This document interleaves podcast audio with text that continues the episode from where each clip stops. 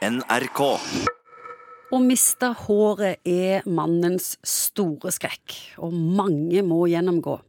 Hårtap rammer 20% av menn i 20-årene, 30% av menn i 30-årene, 40% av menn i 40-årene, og det øker med alderen. Og det har ramma òg deg, doktor Munkvik, og hva tenkte du når det skjedde?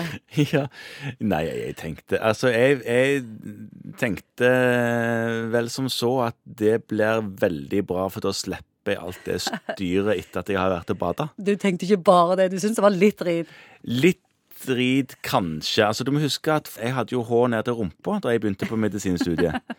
Prøvde du å gjøre noe for å forhindre det? Nei, jeg gjorde ikke det. Jeg tenkte på det. Det er jo forskjellige tiltak. Altså, det er massevis der ute som ikke funker. Piller og krem, sjampo, steroidinjeksjoner, laser, alt mulig. Ja, transplantasjoner er jo det som funker, for da flytter du. Men det ser det jo ut som en sånn kinesisk risker. ser, jeg syns ikke det ser så bra ut. Men det er tabletter du kan ta.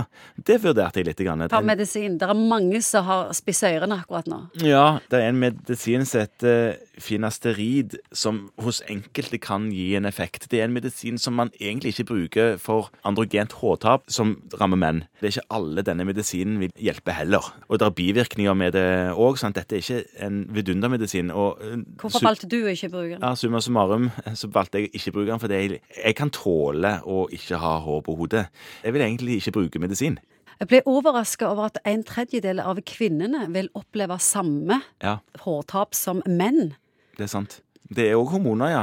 For det er jo mange former for hårtap. Sant? Noen er det jo legemiddelbivirkninger, og andre så har Stress og vitaminmangel og medisinbruk. Ja, sant? All, alle, de tingene, alle de tingene der. Og så er det andre sykdommer òg som gir skallethet. Sånn alopecia-lidelser. Er Et eget program. Det er det faktisk, ja. Um, Er det noe som motvirker hårtap?